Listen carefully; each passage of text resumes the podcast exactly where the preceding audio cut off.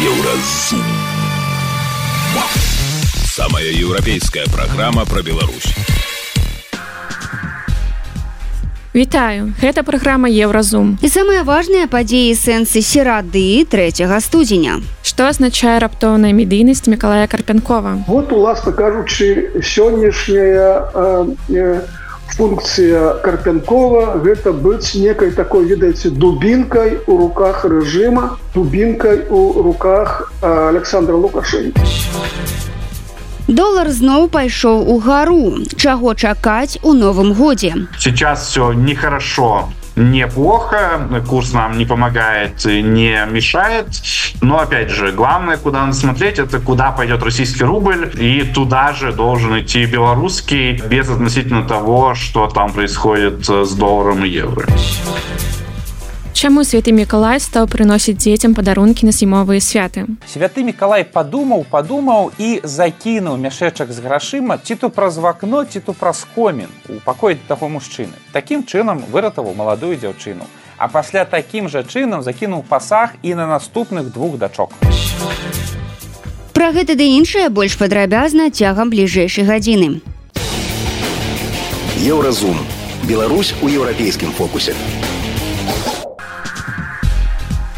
Напрыканцы лютага ў Беларусі пройдуць парламенцкія выбары, а новаспешаныя дэпутаты стануць не толькі распрацоўваць новыя законы ў палаце прадстаўнікоў, але і складуць аснову новага усебеларускага народнага сходу. УНС паводле абноўленай канстытуцыі узначаліць Александр Лукашенко. Па яго словах пасаду прэзідэнта ён збіраецца пакінуць для новага пакалення. Паводле той жа абноўленай канстытуцыі новым пакаленнем стане Наталья Качанова як кіраўніца Савета Рэспублікі. Аднак у апошні час аналітыкі і журналісты звяртаюць увагу на актыўнасць былога кіраўніка губазік, а цяпер кіраўніка унутранымі войскамі Миколая Карпянкова, маўляў, у яго з'явіліся ледзьве не палітычныя амбіцыі. Ці так гэта? Ці можа Крапянкоў стаць другім прыгожаным і пайсці супраць лукашэнкі? Што азначае яго раптоўная медыйнасць? Запыталіся у палітолага Валерыя Карбалевіча. Цяжка параўноўваць ўсё ж такі персанаж прыгожана з карпянковым. Прыгожан стварыў сваю імперію сваё войска сам нехай сабе з дазволу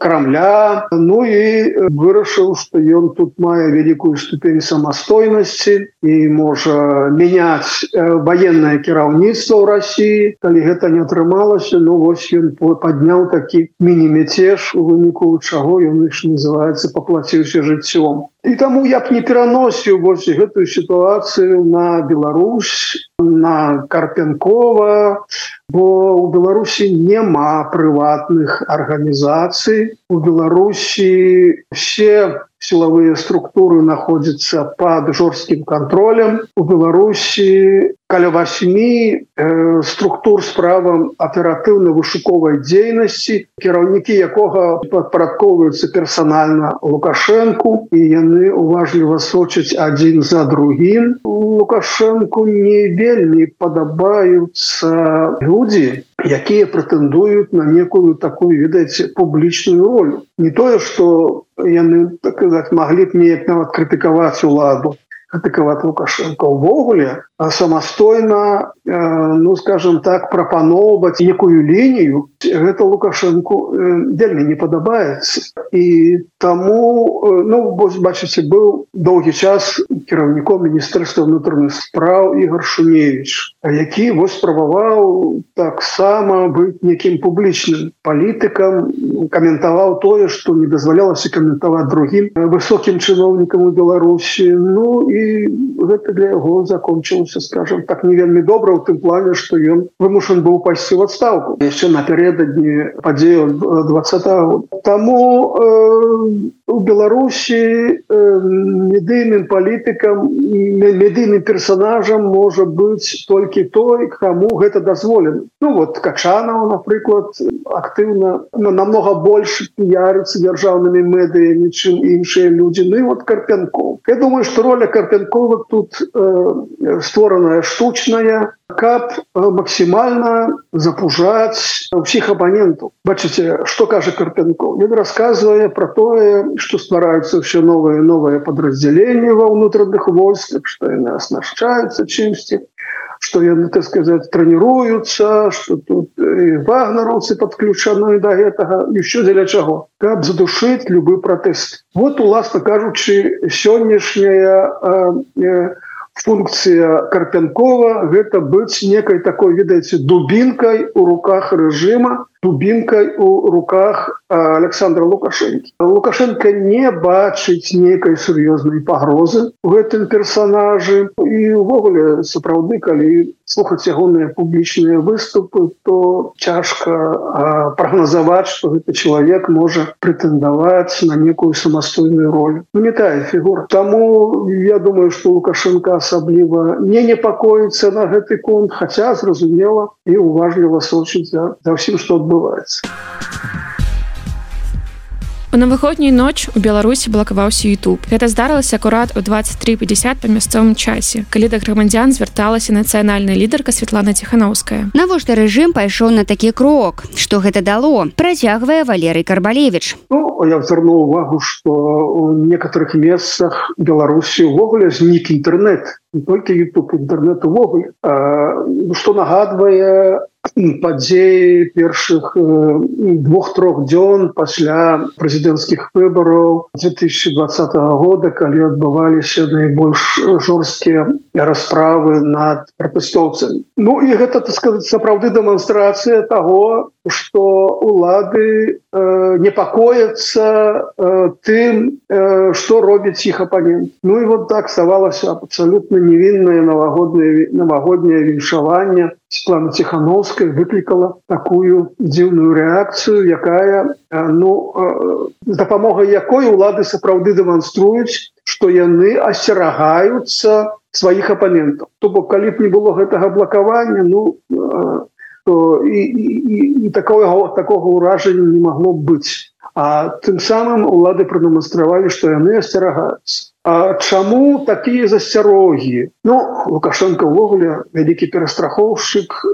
ён заўсёды перастрахоўваецца шмат разоў шмат разоў больш чым ёсць рэальная небяспека? Другая праблема. Улады э, дрэнна разумеюць што адбываецца ў грамадстве. Адсутнічае зваротная сувязь паміж уладамі і грамадством і гэта вельмі важны чыннік Таму што калі у нармальнай краіне з дэмакратычнымі інстытутамі дзе ёсць і апазіцыя і парламент і выбары і грама... структуры грамадзянскай супольнасці і, і, і мэды і так далей ёсць зваротная сувязь і улады добра разумеюць што адбываецца ў грамадстве беларусі усіх гэтых механізмаў зваротнай сувязі просто няма. Яны э, ліквідаваны э, яны адсутнічаюць скажем так ад зло ад слова зусім. І і таму улады не разумеюць что насамрэч адбываецца ў грамадстве что думаюць людзі пра што яны э, мяркуюць что спрачаюцца. І калі няма рэальнай карціны того что адбываецца то узнікае вот тая сітуацыя няпэўнасці і калі непэўнасць то заўсёды перабольшваецца рэальная небяспека. Як вядома у страха вочы вялікія. Ну і тым больш што на памяці 2020 год улады ніяк яго забыць не могуць. Гэта траўма экстрэмка сядзіць у свядомасці і не можа не турбаваць тады таксама для ўладаў выбух пратэсту быў абсалютна нечаканы бо тая самая сувязь з грамадствам таксама адсутнічала Ну і вось по аналогіі улады і цяпер асцярагаюцца вось выборы э, один дзень галасавання 25 лютага для уладаў сёння слова выборы гэта такое ведаеце як страшны сон некі Вось і таму ад слова на слова выборы вот такая реакцыя а акрамя ж выбарчага году 24 будзе яшчэ выбарчы год 25 то бок гэты год цяперашні ён перадвыбарчы да прэзідэнцкіх выбараў. Таму улады будуць увесь час так вось асцерагацца і я думаю что па меры набліжэння до прэзідэнцкіх выбараў працэс э, скажем так задушэння всякага іншадумства Украіне э, будзе толькі ўзмацняцца палітолог валерый карбалевич распавёў пра прычыны блакіроўкі Ютуба ў беларусі ў навагоднюю ноч і патлумачыў медыйнасць мікалая карпянкова. Еўрарадыё кропка фм далей у праграме еўразум. Долар зноў пайшоў у гару чаго чакаць у новым годзе? Сейчас все нехорошо неплохо, курс нам не помогает, не мешает, но опять же, главное, куда надо смотреть, это куда пойдет российский рубль, и туда же должен идти белорусский, без относительно того, что там происходит с долларом и евро. Чаму святы Миколай стаў прыносіць дзецям падарункі на зімовыя святы. Святы Миколай падумаў, падумаў і закінуў мяшэчак з грашыма ці то праз вакно, ці то праз комін у пакоі таго мужчыны. Такім чынам выратаваў маладую дзяўчыну. А пасля такім жа чынам закінуў пасаг і на наступных двух дачок. Сустрэнемся пасля навінаў спорту. Еўразум. Беларусь у еўрапейскім фокусе.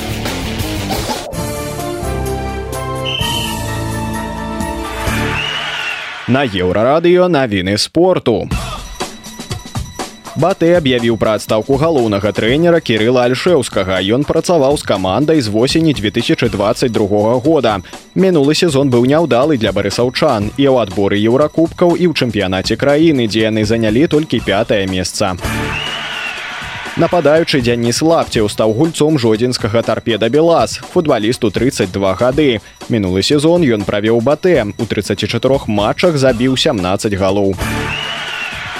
Арына Сабаленко выйшла ў адну восьмую фіналу тэніснага турніру ў брызбене. У сваім першым паядынку года другая ракетка свету лёгка абыграла люцыю бранцэці з Італіі 6360. Раней у одну восьмую выйшла Вікторыя Азаренко, якая выйграла ў Аўстраліі свой 600 матч у кар'еры. У Ягора Шаранговіча ўжо 23 выніковыя балы ў гэтым сезоне НХл. Беларускі хакеіст дапамог калгары перамагчы ў гасцях Міннесоту 3-1. Шаранговіч вызначыўся асістам. Кубак Беларусі па баскетболе ўпершыню выйграў магілёўскі барысфен. У фінале было абыгранае гродна 93 83 75. Гэта былі навіны спорту, заставайцеся на еўрарадыё. Еўрарадыё. Моц настрою.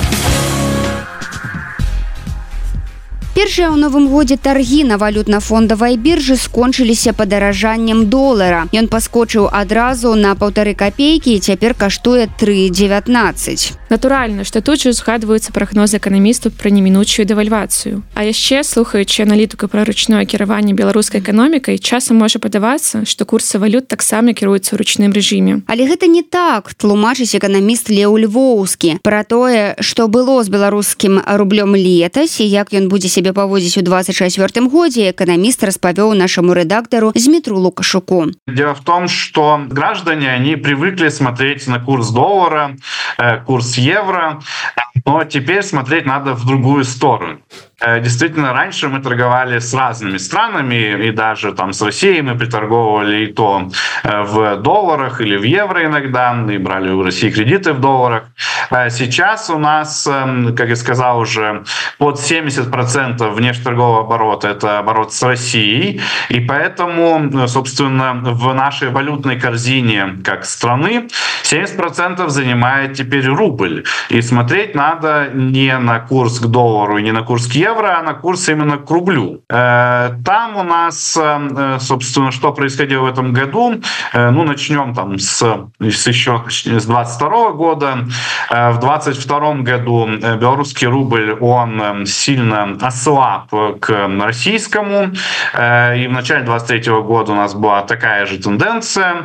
Это означало, что у нас все очень хорошо, мы можем сидеть на печи и продавать наши товары в России, Россию э, по очень выгодным ценам э, и э, легко борясь, например, с российской конкуренцией. Но затем курс выровнялся, точнее российский рубль укрепился, вот, и наш рубль, он стал относительно дорогим, относительно именно российского рубля.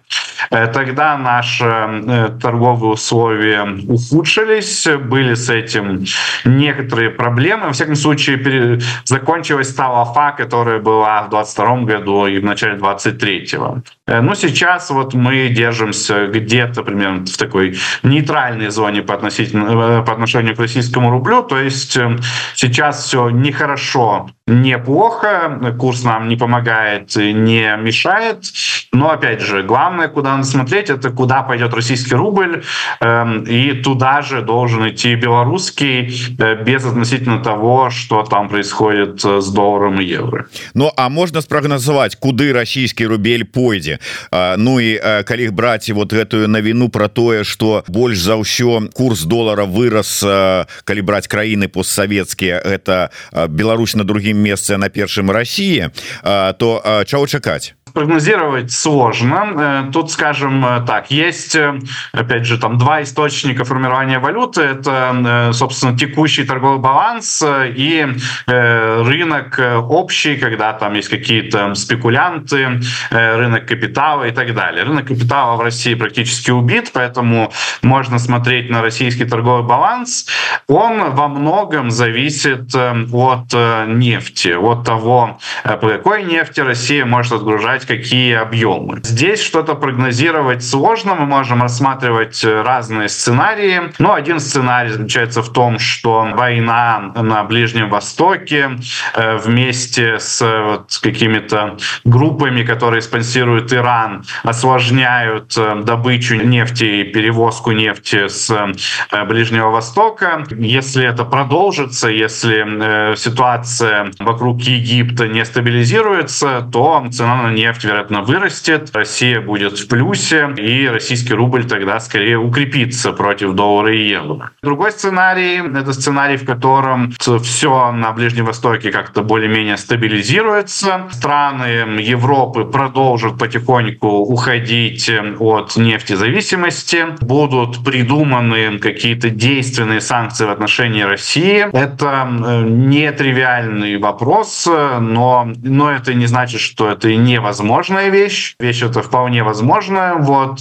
Э, в таком случае, если Россия э, лишится каких-то дополнительных э, нефтедоходов, то можно предполагать, что российский рубль пойдет к евро и к доллару, ну, вслед за ним тогда будет падать и белорусский рубль. То есть мы можем сказать мейнстримное движение российского рубля. Мейнстримное движение — это небольшое ослабление. Но вот эти шоки, которые могут происходить на нефтяном рынке мировом, мировом, они делают мейнстримное предсказание практически бесполезным.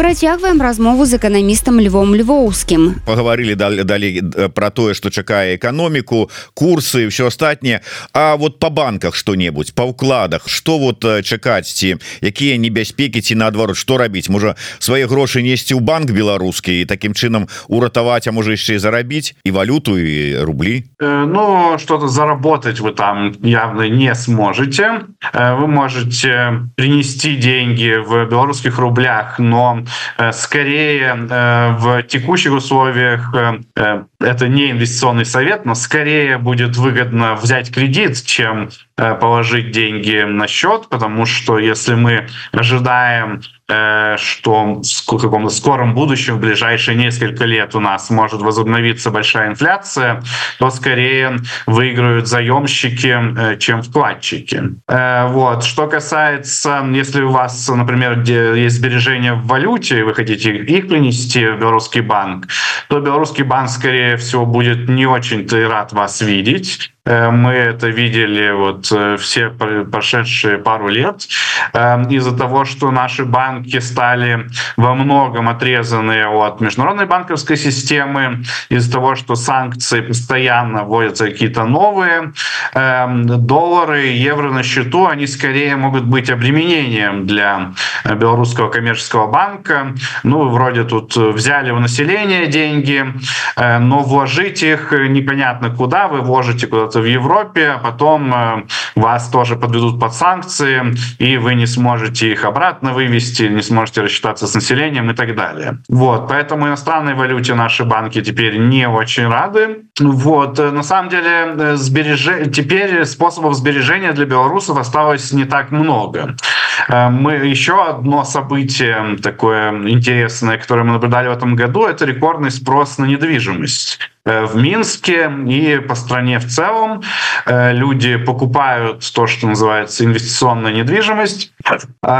И одно из объяснений, э, и у нас рекордные цены даже на недвижимость, одно из объяснений состоит в том, что людям некуда вкладывать свои деньги. Если раньше при наличии какой-то серьезной суммы, там 50 тысяч долларов, 100 тысяч долларов, вы могли, например, положить их в иностранный банк, в другой юрисдикции, или вложить в акции, в облигации, международные инвестиции сделать какие-то, э, то сейчас э, практически действительно единственный способ э, как-то сохранить деньги – это вложить их вот в бетон, купить какую-то квартиру в надежде на то, что это реальный объект, и он не обесценится в ближайшее время. На самом деле инвестиции в недвижимость, они тоже могут быть рисковыми, как мы знаем по кризису 2008 года. Но вот тем не менее мы наблюдаем такой феномен, эм, который происходит из-за того, что других-то опций у белорусов не так и много. Ну да а, а потым э, раптам вы высветліцца что ты там э, колькі гадоў тому 10 э, там поставіў лайк ці нейкае слово напісаў цябе ўносяць у спіс экстрэмістаў тэрарыстаў і канфіскуюць твои усе здабыткі і набытки вот э, Мачыма такое? Як дарэчы уплывае на обычные экономические риски которые связаны с тем что просто-напросто ну хорошо вот сейчас все свои сбережения люди вложат в недвижимость а потом э, не будет никакого экономического роста продолжится стагнация э, продолжится уменьшение населения и просто эта недвижимость у нее не будет на нее спроса реального и она понизится в цене как такое тоже в беларуси бывало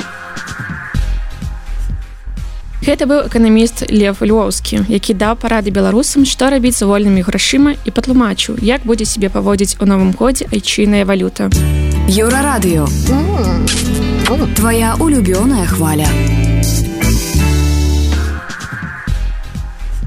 Далей у праграме еўразум. Чаму святы Миколай стаў прыносіць дзецям падарункі на зімовыя святы. Святы Миколай падумаў, падумаў і закінуў мяшэчак з грашыма ці то праз вакно, ці то праз комін у пакоі таго мужчыны. Такім чынам выратаваў маладую дзяўчыну. А пасля такім жа чынам закінуў пасаг і на наступных двух дачок. Сустрэнемся пасля навінаў шоу-бізу. Еўрарадыё.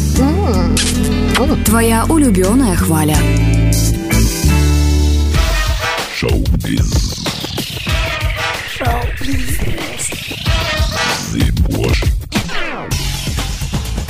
Навіны шоу-бізу на еўрарадыё.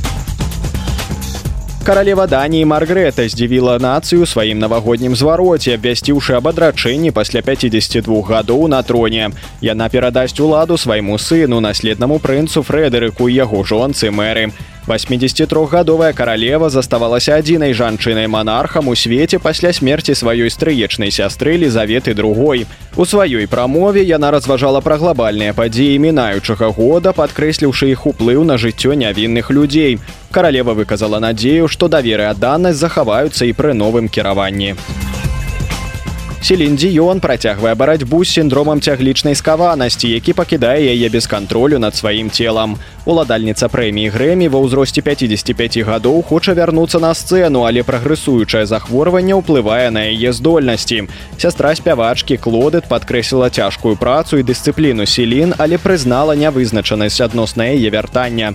Раней ды ён адклала даты тура ў 2022 годзе, спасылаючыся на расчараванне павольным аднаўленнем пасля знясільваючых спазмаў, якія могуць быць настолькі моцнымі, што ламаюць косці спявачцы шакіры на радзіме ў калумбі усталявалі статую. Яна з'явілася на ўзбярэжжы яе роднага горада баранкілья. Урачыстая цырымонія прайшла ў прысутнасці бацькоў вядомай зоркі. Скульптар іна маркіс які стварыў шасціметровую бронзавую шакіру захаваў яе танцавальны рух з кліпа над песню хіпс донлай якая выйшла ў 2005 годзе. Мэр горада з нагоды адкрыцця статуі пажадаў шакіры заставацца крыніцай натхнення для жанчыны дзяўчат усяго карыбскага рэгіёну. Паўднёва-карэйскі акцёр Лісон Гюн, найбольш вядомы па галоўнай ролі ў аскараносным фільме паразіты быў знойдзены мёртвым у сваёй машыне.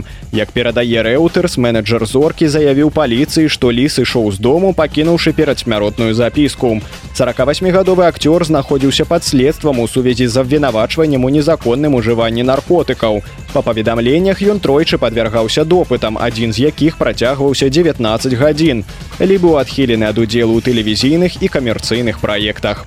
Гэта былі навіны шоу-бізу, заставайцеся на еўрарадыё.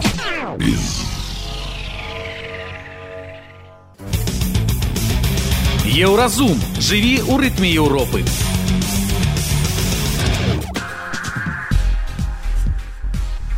Ну і каб не акунаць вас адразу ў суровай рэаліі 24 -го года дазволім сабе ўзгадаць што зімовыя святы ў беларусі працягваюцца і што наперадзе нас чакаюць яшчэ адныя каляды. А там дзе каляды там батлейка падарункі і святы мікалай. Ці ўсё ж дзед мароз альбо санта-клаус альбо ўвогуле зюзя. Як каляднага дзеда называюць у розных краінах і якое дачыненне да мікалая цудатворца мае знакамітая каралева бонас форца Пра ўсё гэта на youtube канале белсад гісторыя распавядае гісторык Тимофея Кудович. Глядзіце, у розных краінах гэтага персанажа развиваюць па-рознаму. Ну, напрыклад, у Францыі Пернуэль, у Італіі Бабо Натале, у Японіі Одісан.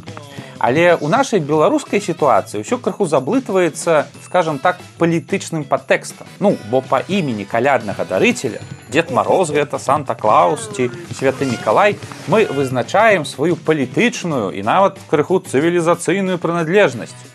А таму пытанне істотнае. Давайте паспрабуем у ім разам разабрацца. Пачнем з аднаго важнага, але не дужа вядомага факта. Вясёлы, доўгабароды дзядуля ў чырвоным кажушку, які дорыць дзецям падарункі на новы год, які мае розныя імёны ў розных краінах, гэта зборны вобраз двух абсалютна розных персанажаў, якія прыйшлі да нас з розных эпох. Чып і Дэйл э, Ніка Майк Няўжо Карл Маркс і Фрыдрых Энгельс Не, дакладна не Карл Маркс і Фрыдрых Энгельс. Хаця яны таксама мелі бароды. Давайте з першага пачнем. Вы пра яго дакладна ведаеце. Гэта якраз і ёсць той самы святы Мікалай. Ну то бок чалавек, які жыў 18 стагоддзяў назад у далёкай візантыі. І відаць, ягоную гісторыю вы так ці інакш чулі. Рэальны святы Мікалай жыў у трэцім стагоддзі нашай эры. Ён быў архіепіскапам мерлікійскім. Ведаем, што Мікалай нарадзіўся ў досыць заможнай сям'і. З дзяцінства зацікавіўся хрысціянствам і выбраў сабе святарскае служэнне. Мікалай пражыў досыць паспяховае і насычанае жыццё. Ён хутка рос па кар'ернай лесвіцы, служыў, выступаў, пісаў, удзельнічаў розных палітычных інтрыгах, ну, напрыклад, супраць свайго апанента Арыя. Але апроч гэтага, яшчэ пры жыцці архіепіскапам Мікалай праславіўся тым, што мог рабіць цуды. Дзякуючы гэтым цудам Мікалая пасля смерці вельмі хутка прызналі святым. Прычым былы епіскап стаў адным з самых шанаваных і папулярных святых у сярэднявечнай Еўропе. Пра гэта гаворыць хаця б той факт, што ў 1087 годзе жыхары італьянскага горада бары О наш родны бар. Так так мы его узгадвалі ў папярэдніх выпусках. Дык вось жыхары італьянскага горада бары правялі цэлую аперацыю. Яны прыплылі ў візантыю і скралі там мошчы святого Мікалая з грабніцы ў мерлікеі, пасля чаго перавезлі іх у свой родны горад. Ну, а у бары мошчы святого Мікалая захоўваюцца і да сённяшняга дня побач з струной нашай каралевы боны з форцы. Калі яна нашая, дык і труна яе павінна быць вернутая ў Беларусь. Згодзін, але толькі праз камісію. Ага, пасля запісу пакаяльнага відэа. Сярод шматлікіх цудаў святого Мікалая, зафіксаваных у ягонай кананічнай біяграфіі, сярэднявечным еўрапейцам асабліва запала адна гісторыя. вы хутчэй за ўсё чулі адну з версій э, гэтай гісторыі слухай ёсць праблема ў мяне жыве адзін чалавек там недалёка беданы беданы нічога няма не грошыка. А тры дачкі ў яго. Але як жа замуж? Не аддасі пасагу няма? Ну і вось ён прыдумаў што найстарэйшую дачку аддасць у публічны дом. Куды? Ну бардель каб хоць троху ну вось грошай для сям'і зарабіла. І я б ім грошы даў і дапамог бы чым мог але ну я неяк баюся няёмка ён можа яшчэ абразіцца. Ну што в такой сітуацыі рабіць? Слухай ну як няёмка то можа неяк ананімныя тыя грошы перадаць можа у вакно закінь. Добрая ідэя! Альбо праз комін! Паляцеў я!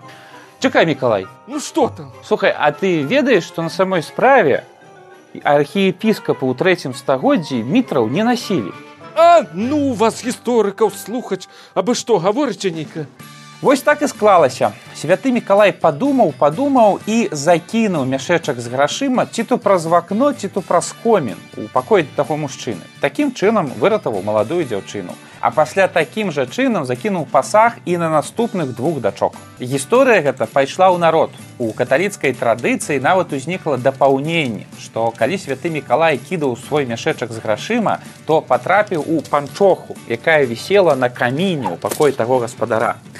І вось ужо ў сярэднявеччы фіксуюцца сітуацыі, калі бацькі на дзень святого Миколая, гэта 6 снежня клалі сваім дзецям невялікі падарунак у такую вось панчоху. Падчас рэфармацыі пратэстанты забаранілі дарыць падарункі ад святого Миколая. Ну, бо былі супраць ушанавання, каго б там не было, апроч Ісуса Хрыста. І пачалі дарыць падарункі дзецям менавіта на каляды, на раство, ну нібыта ад малога Ісусіка. Пасля контррэфармацыя вярнула святого Миколая, але традыцыі перамяшаліся. І цяпер шмат у якіх краінах падарункі дзецям дораць і на святого Миколая 6 снежня і на каляды. Вось жа шансуе некаму. І ў якіх гэта краінах? Ну у Польшчы, напрыклад. Вось жа гэтыя белапалякі. Ну затое яны стары новы год не святкуюць. Такім чынам, у 19 стагоддзя святы Миколай увайшоў у якасці паўнавартаснага хрысціянскага святога, але з дадатковай функцыяй дарыцеля маленькіх падарункаў для дзяцей на каляды і новы год. Гэта быў гісторык Тимофея Кудович, які распавёў пра тое, хто мусіць прыносіць беларускім дзеткам падарункі на каляды і новы год. Гэта была праграма Еўразум, штодзённы інфармацыйны падкаст еўрарадыё. Кожны дзень мы распавядаем пра самыя галоўныя навіны Беларусі і свету. А сённяшні выпуск скончаны. Беражыце сябе, пачуемся. Еўразум. Самая еўрапейская праграма пра Беларусь.